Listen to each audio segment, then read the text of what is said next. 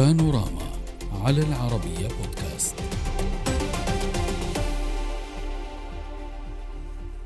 أدى حمزة يوسف اليمين رئيسا لحكومة اسكتلندا ليصبح أول رئيس مسلم لحكومة في غرب أوروبا.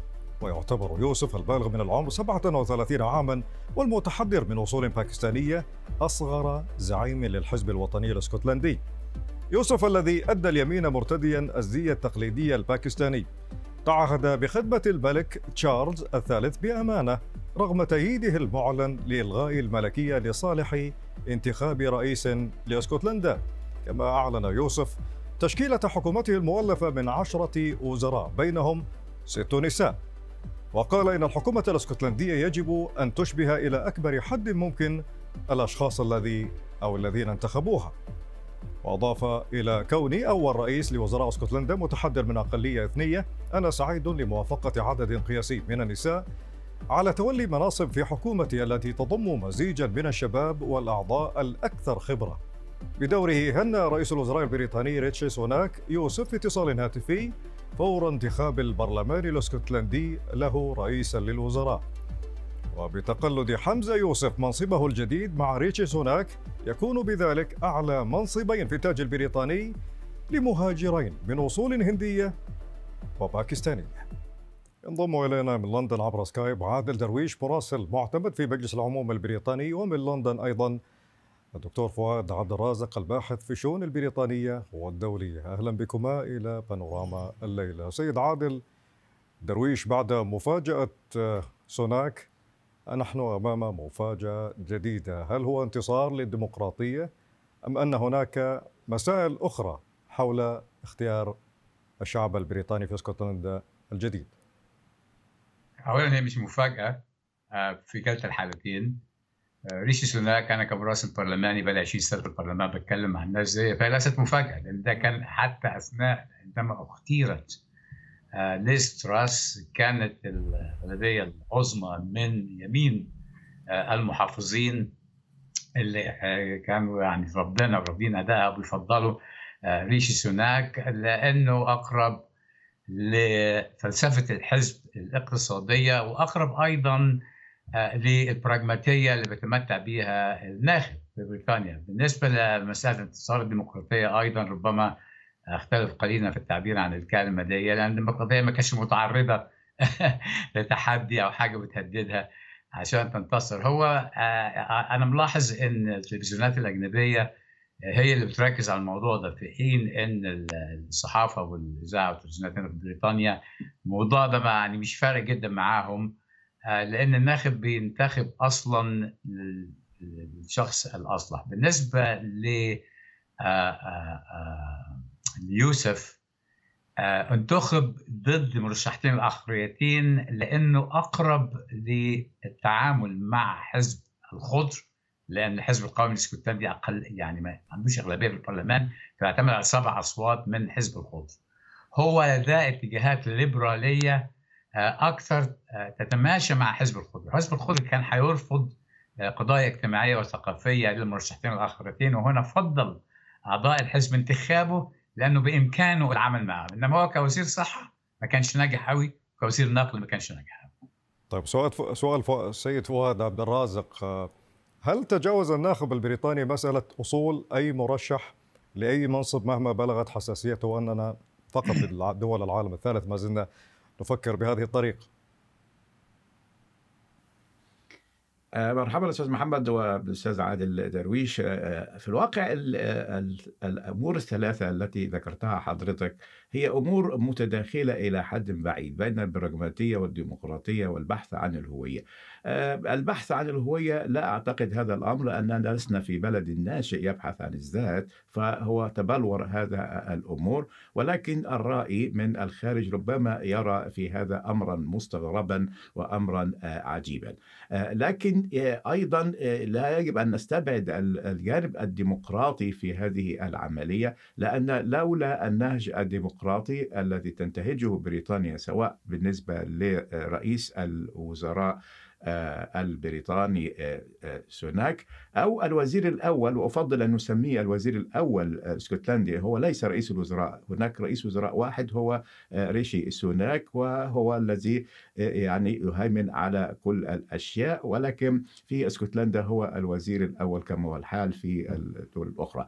بالنسبة لموضوع التداخل بين هذه المسميات هو تداخل مشروع في في الواقع. ولكن التحولات التي شهدها المجتمع البريطاني أوصلوا إلى هذه المرحلة من وجود هؤلاء الأشخاص بالنسبة سواء بالنسبة لكفاءتهم أو لأسباب لأن مثلا في اسكتلندا ليس هناك أغلبية مثلا باكستانية كي نقول أنه دفع بهذا الدافع.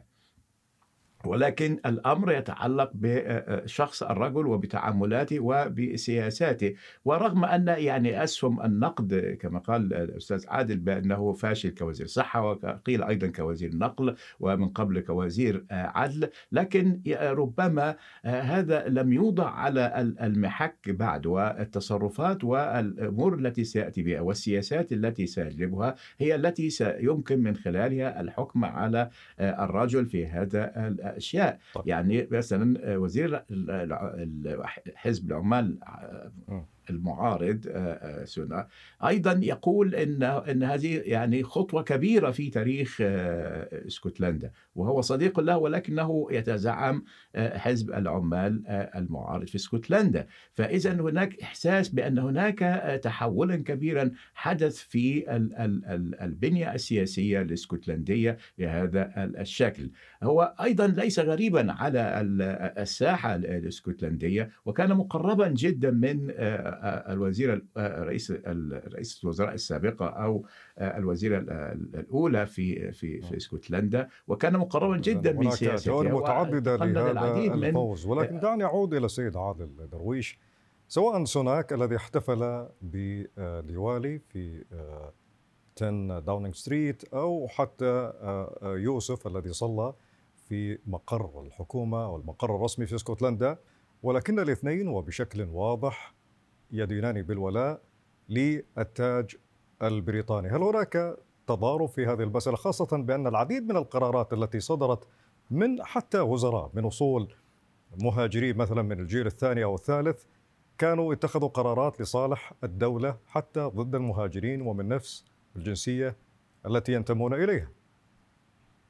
هو ما حدش هنا بيفكر بهذه الطريقة حتى من الساسة أو من المحللين. يعني هنا الجنسية هي بالمولد وهي ثقافة بريطانية. أنا فاكر لما كان الجدل دائر في الستينات وأنا في الجامعة وفي السبعينات عند بداية عملي الصحفي كان في جدل دائر بين اليمين واليسار هل يسمى المجتمع multicultural متعدد الثقافات ولا multi-ethnic ولا multiracial أنا كنت مع طبعا اليسار ماشي مع حكاية ال multiculture أنا كنت ماشي مع أو من الناس اللي بيقولوا كلمة ال multiracial المتعدد العرقيات أو متعدد السلالات وإننا كلنا من ثقافة واحدة. هي الثقافة البريطانية وهي بتشمل يعني كلمة ثقافة كلنا بيئه واحدة في اللغة الإنجليزية.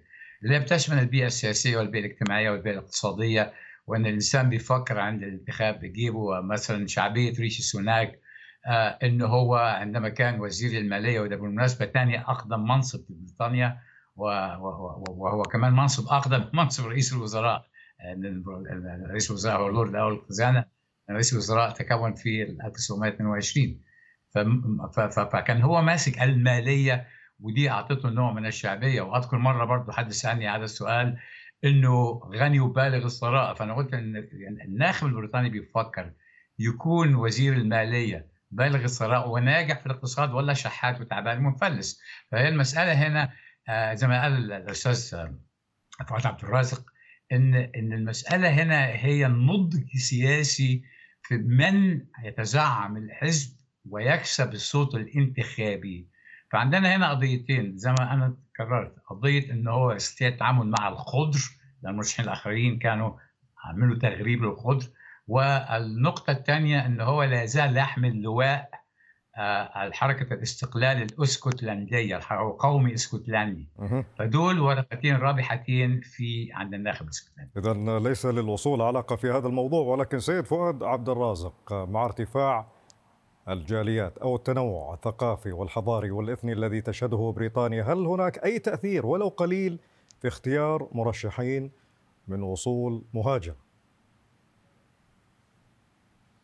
هو في تأثير طبعا لأن النسيج الاجتماعي الفابريك بتاع المجتمع البريطاني آه، تغير بالفعل يعني يعني آه، لم يكن من المتوقع مثلا أن تكون بهذه الهيمنة بهذا الشكل. ولا الهيمنة موجودة من قبل. يعني نذكر أيضا في حكومة جونسون كان عدد كبير من أخطر المناصب كان يتولاها أناس من أصول آه، آسيوية أو من هؤلاء الناس.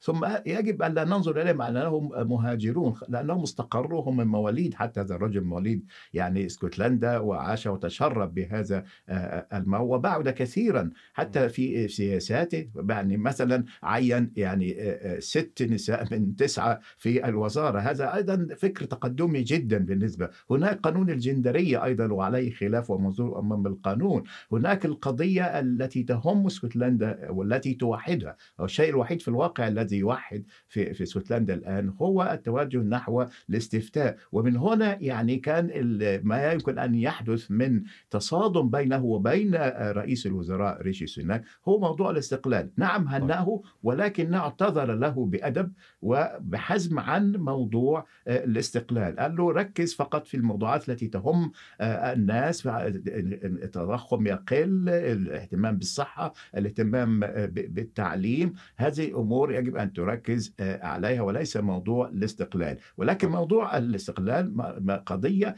آه، مصيرية بالنسبة لاسكتلندا لا يستطيع يوسف أن يتجاوزها بل أنه عين وزير للاستقلال. وقد انتقد في هذا الأمر أنه يعرف تماما أن هذا طريق مسدود بالنسبة لعلاقته مع الحكومة لأهداف الناخبين وليس للأصول الاثنية والعرقية. من لندن عبد الرزاق الباحث في الشؤون البريطانية والدولية فؤاد عبد الرازق شكرا جزيلا لك وشكرا أيضا للسيد عادل درويش المراسل المعتمد في مجلس العموم البريطاني. نهاية بانوراما لهذه الليلة. موعدنا يتجدد الأسبوع المقبل. إلى اللقاء.